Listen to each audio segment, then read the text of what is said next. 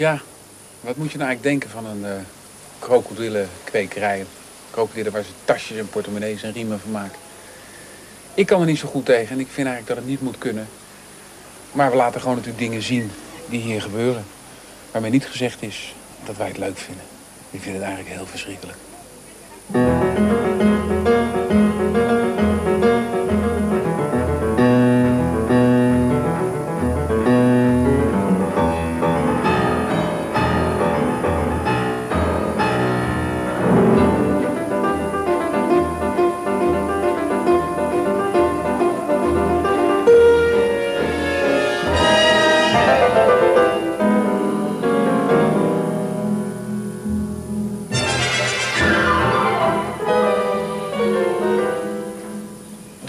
Yourself a crocodile bag or a crocodile coat?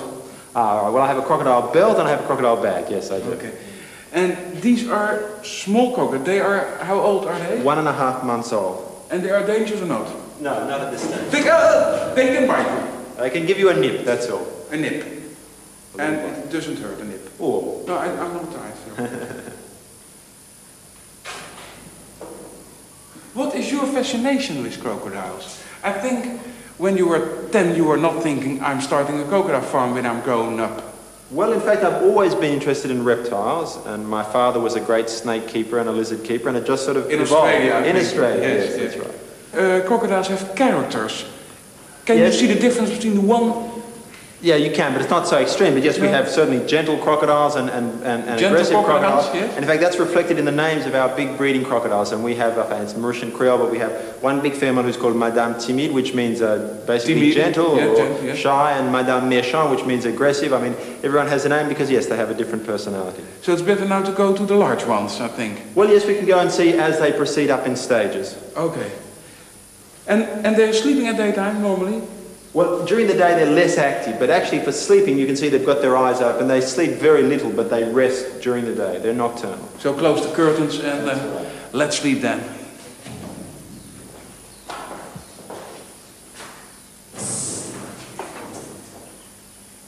It sounds so strange for me, but perhaps I'm a, I'm a child of the green movement in Europe, mm -hmm. you know. Mm -hmm. It's, yeah. Can you understand well, what I mean? Yeah, I, I can. In fact, although um, uh, I can see some rationale for saying, well, well, well, crocodiles are lovely animals and we shouldn't use the skins. The fact is that if you are farming crocodiles, then eventually we're going to have the stage in the world where the entire demand is, is satisfied by farm crocodiles. Mm. And let me say, for example, in, in Madagascar, uh, a, a, skin of a crocodile this size for a, just a, a village person, he can get about 30 US dollars for that.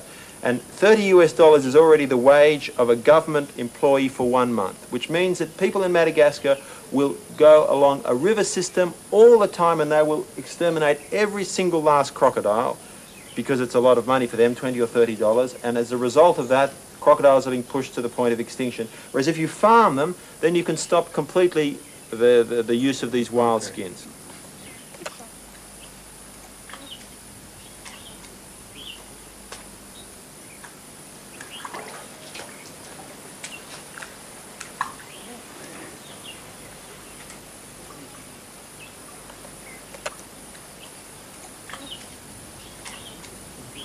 Salt here?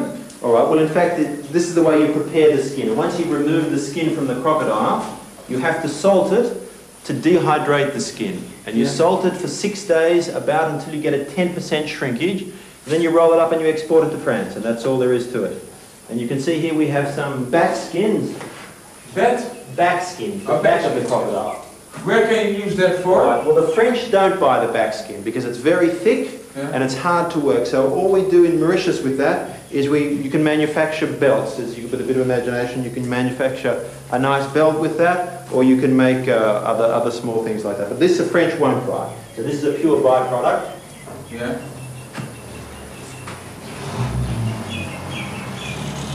And how long is this stay in the salt? Well, these are very thick. They can stay in there for two or three weeks before we put them in the fridge. But these ones you put for about six days until, as I say, you get a 10% shrinkage. And I see a hole in it. That is a lady or?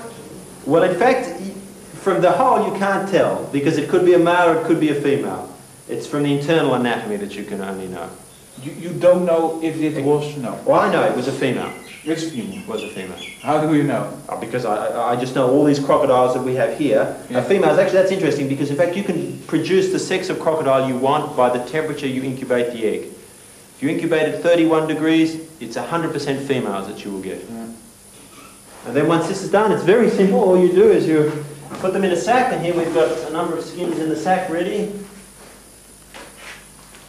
And they're waiting for their tags, so when the tags come, then uh, That's a text from the international organization who allow you to export it. That's correct. I haven't got them yet. They're very nice tags. When they come, they're tags that once they're put on, they can never come off. And then these are exported to France. To France.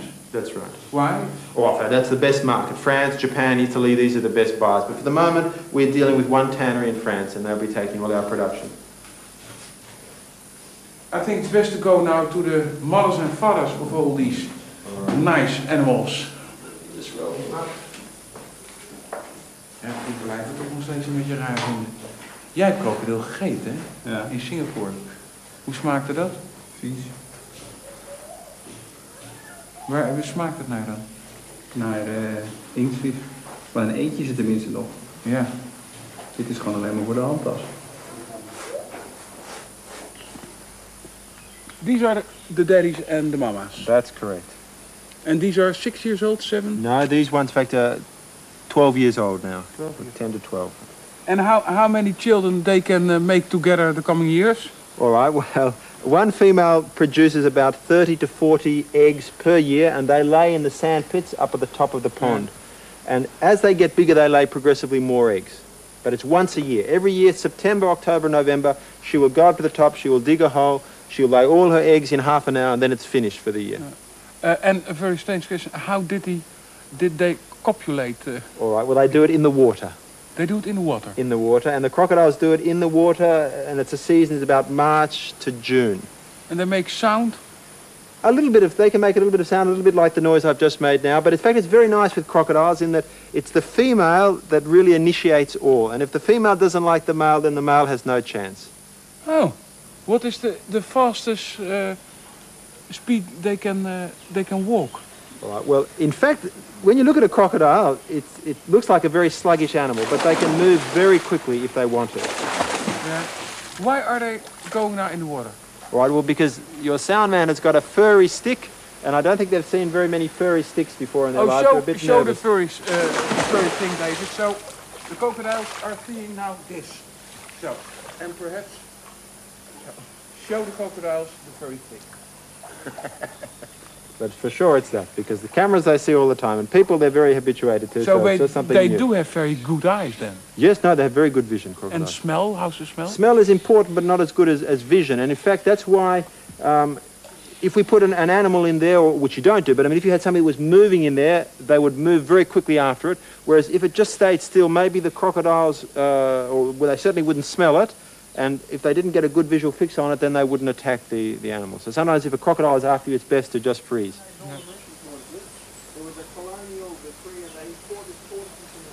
Is it uh, difficult to breed Aldabras?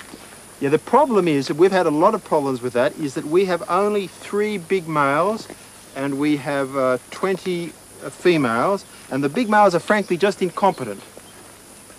What do you mean? Well, they mount the female from the head side and from the side side, and they just never inseminate the females. We get plenty of eggs, which means that we have no nutrition problems, the females are fine, and the males copulate all the time, but they never get their penis where it's meant to go. How is she feeling now, the Aldabra, do you think? This one here, Yes. well, he wants to be put on the ground, of course. Let's put him on the ground.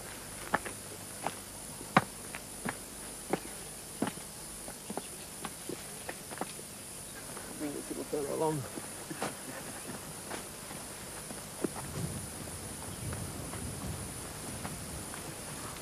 Of course, before we spoke about my problem with breeding, part of the problem is that my males are too big compared to the females and it's hard to get males. But here we have a male here.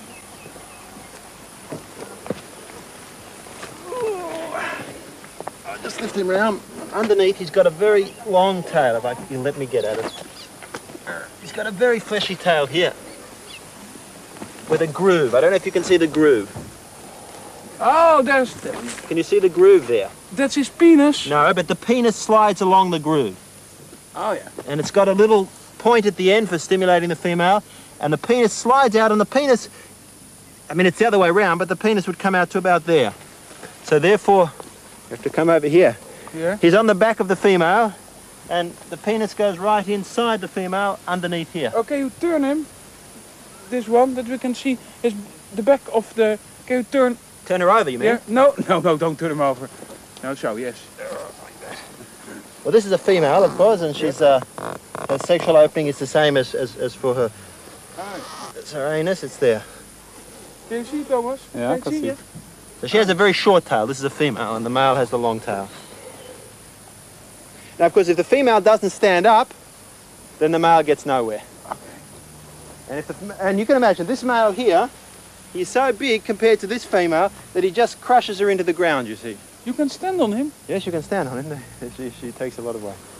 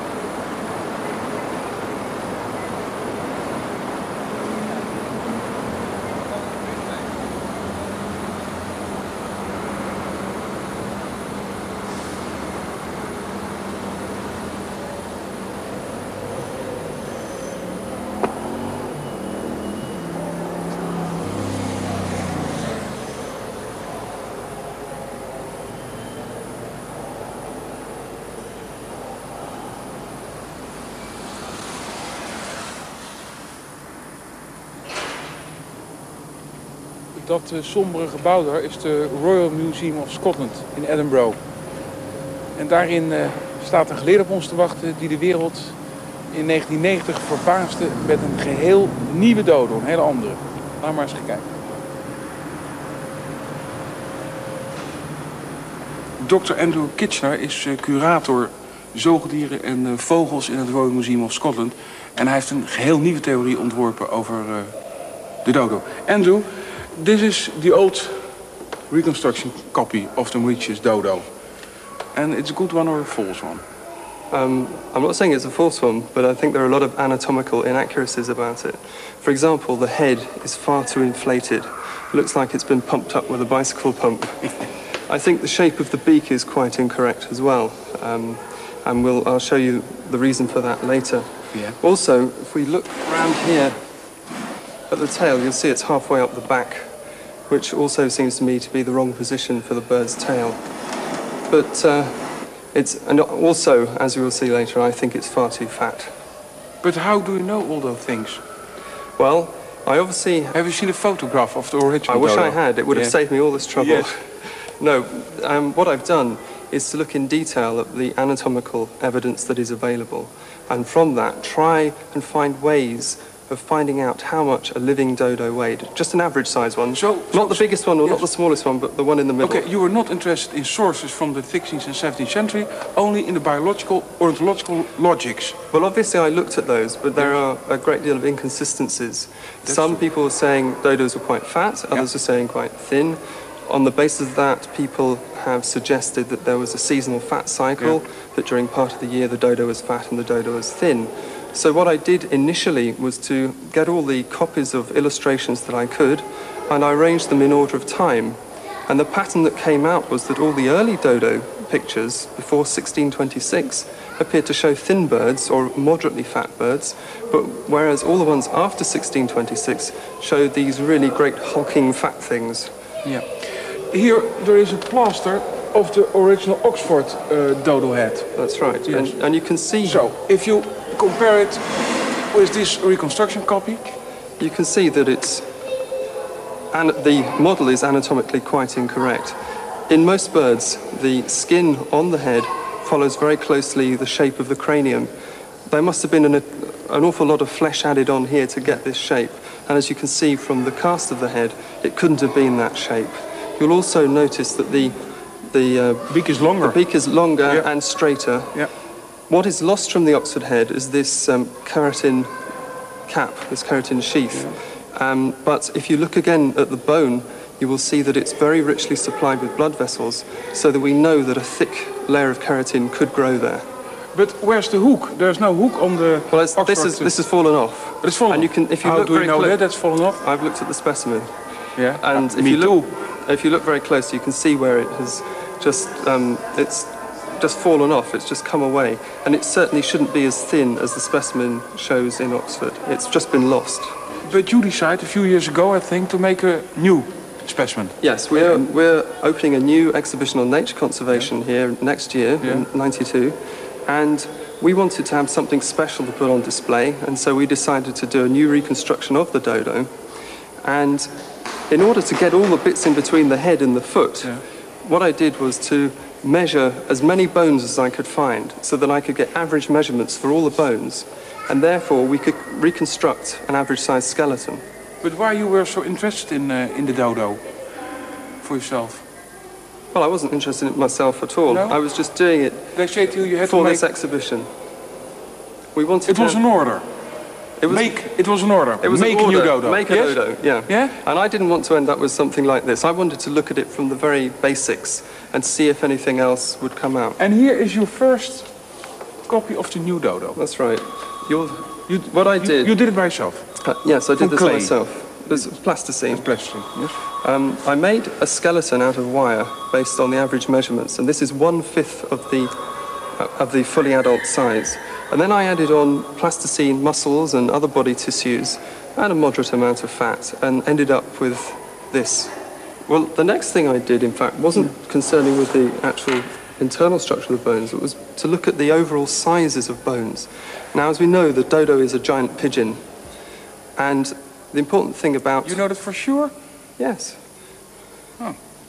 There's a lot of research going on in Amsterdam to prove that. Yes. But you're already sure. Well, I think there is a, the body of evidence is that it is a pigeon, a giant pigeon. Okay. As- and if anybody comes up with new evidence, we'll have to start all over again. Is de echte geleerde. Het is real man of science. Yes, go on. Yeah.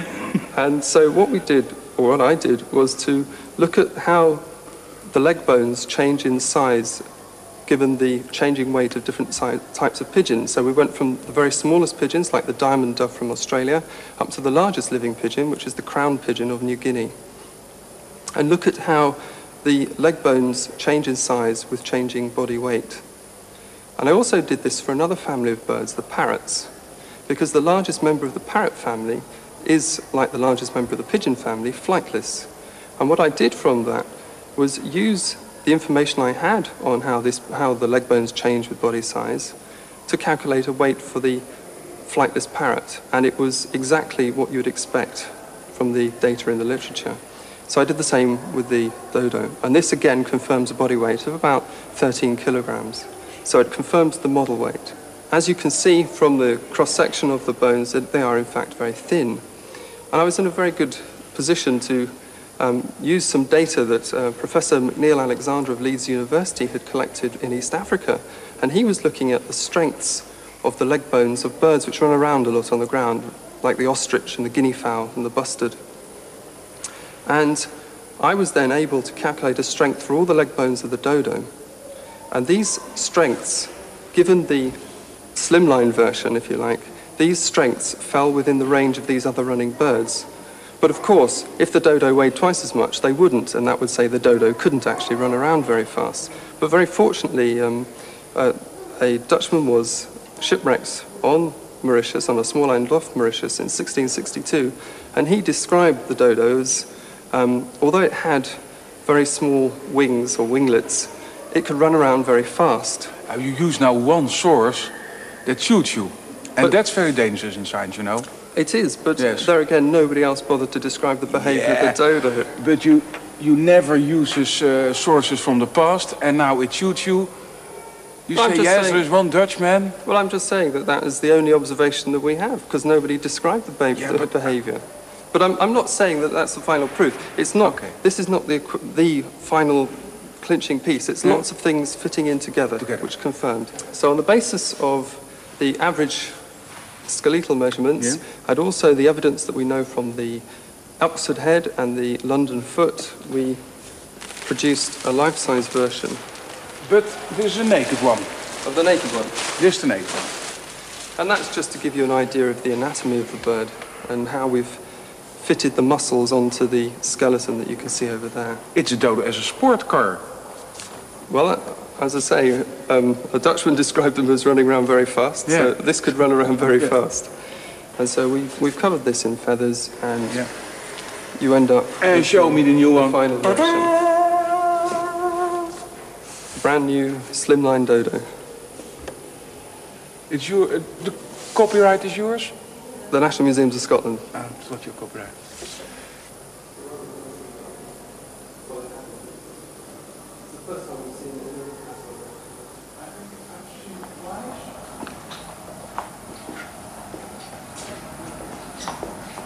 Nou, nou ben ik benieuwd, want we zijn in het VOC-archief hier van het ARA, het Algemeen Rijksarchief. En je hebt hier iets, dat is een, een journaal, hè, heet dat? Hè? Ja, een scheepsjournaal. Van de tweede schipvaart naar Indië. Ja, dat klopt. En dat was 1600, 1602 of zoiets, hè? Ja. ja. En dit journaal, daar wil je me iets aan laten zien, hè? Ja, Jammer, dat. Ja. Dit is aan, wacht, aan boord geschreven, schreef dat echt aan boord? Of naar de hand? dat denk ik dat voor een groot nee, gedeelte. Waarom moesten ze dit eigenlijk doen? Ze moesten dit doen, hè? Eh, dit zijn die oudste reizen van de VOC. Er waren tekenaars aan boord om dus Ja. de kustlijnen in, eh, in kaart te brengen. En eh, dat was natuurlijk heel belangrijk. Het was allemaal onbekend gebied in eh 15 En dit moesten ze inleveren? Dit moesten ze dan later inleveren bij de VOC. En de VOC had dan kaartmakers in dienst. En er werden dus echte, echte paskaarten, echte zeekaarten eh, gemaakt. Dus dit is hoe de wereld eruit ziet, dat weten we uit dit soort dingen. In die Dat tijd. weten we uit dit soort dingen. En ja. hier, Ja. daar kwamen de atlassen van Blauw weer van. Hè? Die Ja. gebruikt informatie hier ook uit. Ja. Hoe, dit is altijd in Nederlands bezit geweest. Dit is altijd Nederlands bezit geweest, ja. En hoe is het in het Rijksarchief gekomen? Wanneer is het VOC-archief het Rijk direct al? De, het VOC-archief eh, na de opheffing in eh, 1795 ja, zijn de rechten en plichten die zijn overgegaan naar de Staten der Nederlanden. En ook de archieven. Dus het is eigenlijk altijd rijkseigendom gebleven. En hoeveel mensen komen hier nou? Komen hier veel mensen het VOC-archief? Er komen ontzettend veel mensen naar het VOC-archief. Vooral ook heel veel mensen uit, eh, uit Aziatische landen. Ja. Omdat het dus voor die landen vaak de enige informatiebron is over hun eigen geschiedenis in de 17e en in de 18e eeuw. Nou zijn wij met dat vogeltje bezig. Ja, Vogeltje, vogeltje, ja. zo groot. ja. De dodo zijn maar heel weinig plaatjes van. Er zijn bijna geen plaatjes van mensen die hem levend hebben gezien. Er zijn maar heel weinig plaatjes. Maar jij wil hem iets laten zien. Ja, hier staat een hele mooie. Zij zijn dus op Mauritius geweest. Daar zijn zij geweest. Ja. En wat zagen ze? Ze zagen Daar schildpadden. zagen ze van alles. Ja, schildpadden uiteraard. Ja, leuk, maar nu even niet. En dit zijn die kustlijnen, hè, die hier. Ja. Ja. Die dus dan... Kun jij dit lezen? Dit handschrift heb ik altijd zo'n vreselijke moeite. Maar kun je dit nou bijvoorbeeld lezen wat hier staat? Ja, het eiland. Ja. En dan een, heel moeilijke, een hele moeilijke naam van een eiland. ja. Ja. Maar dit hoor ik wel te kunnen lezen.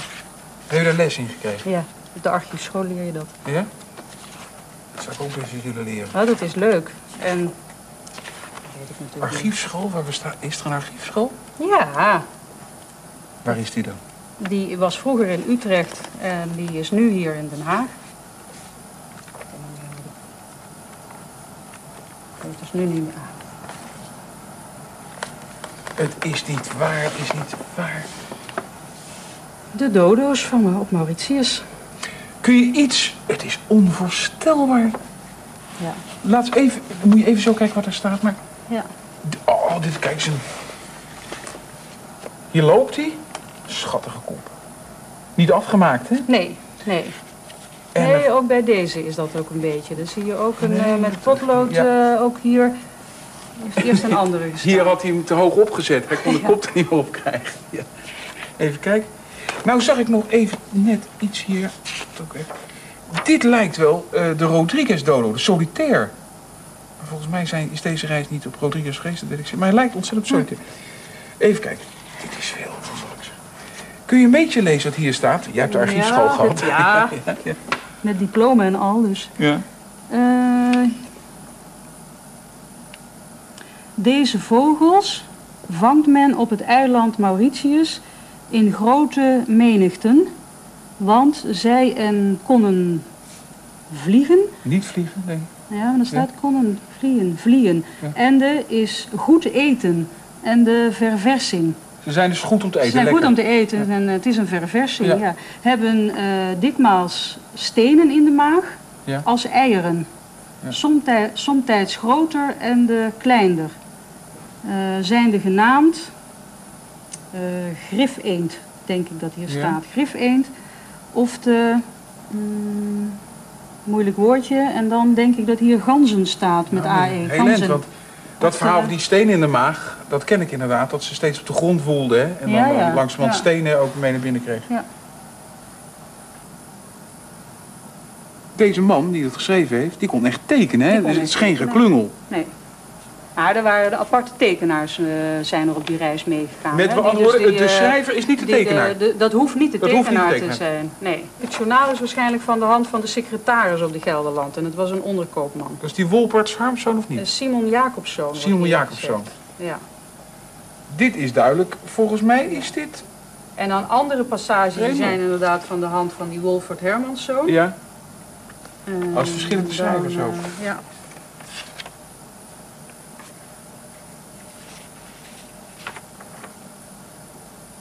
En dan hebben ze het over eh, de tekenaars der landopdoeningen en kaarten, dat die het getekend zouden hebben. Maar...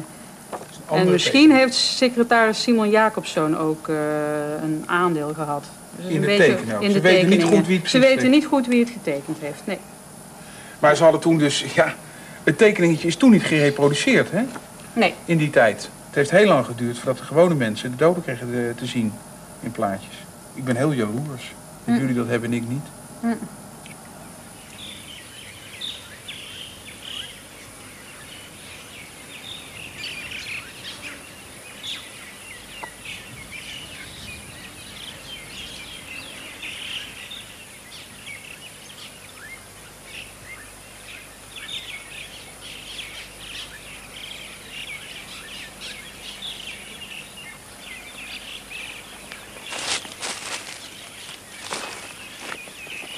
Boudewijn wel op je autovoeten. Dit hier is de heilige plaats van de dodo. Omstreeks 1844 verscheen er een boek van Strickland. En dat was het moderne boek over de dodo. Het eerste moderne wetenschappelijke boek. Er kwam er een rage op gang van mensen die zeiden... dan moeten we de dodo vinden. Ze wisten al dat ze nooit meer een leven zou vinden... maar misschien de botten van de dodo. Toen was een man, Clark, en die is hier, in dit gebied, was toen een moeras, de Maro Songe, gaan zoeken. En die heeft in een paar maanden tijd duizenden botten gevonden, die bijna allemaal nog hier zijn in het museum. En hier heeft hij ook de enige dodo gevonden die nog helemaal intact was. Weet je wel, die we in het museum hebben staan, Ja. skelet. Die vond hij hier, omdat het nat was, was hij niet stuk gedrukt, maar je lag zo in het moeras. Het eigenaardige is alleen, één, ze hebben bijna nergens anders bordjes van de dodo gevonden op het eiland. Onbegrijpelijk, want de dodo's hebben waarschijnlijk over heel het eiland gelopen. En twee, men heeft na 1855, 56, toen hier gezocht is, nooit hier meer botten gevonden. En nergens elders op het eiland. Dat zou veronderstellen dat die ene man, die Clark, alle botten heeft gevonden. Dat kan dus bijna niet. Hè? Dat is onmogelijk. Maar het is niet anders. En dat het nou een vuilnisbelt is, dat vind ik eigenlijk zo'n prachtige symboliek. Want de dodo is natuurlijk geofferd aan de vuilnisbelt van de geschiedenis. Want door de vervuiling en door de vredaardigheid en door de dieronvriendelijkheid van vooral de Nederland is de dodo ten onder gegaan. En, en dit, dit is de begraafplaats van de dodo.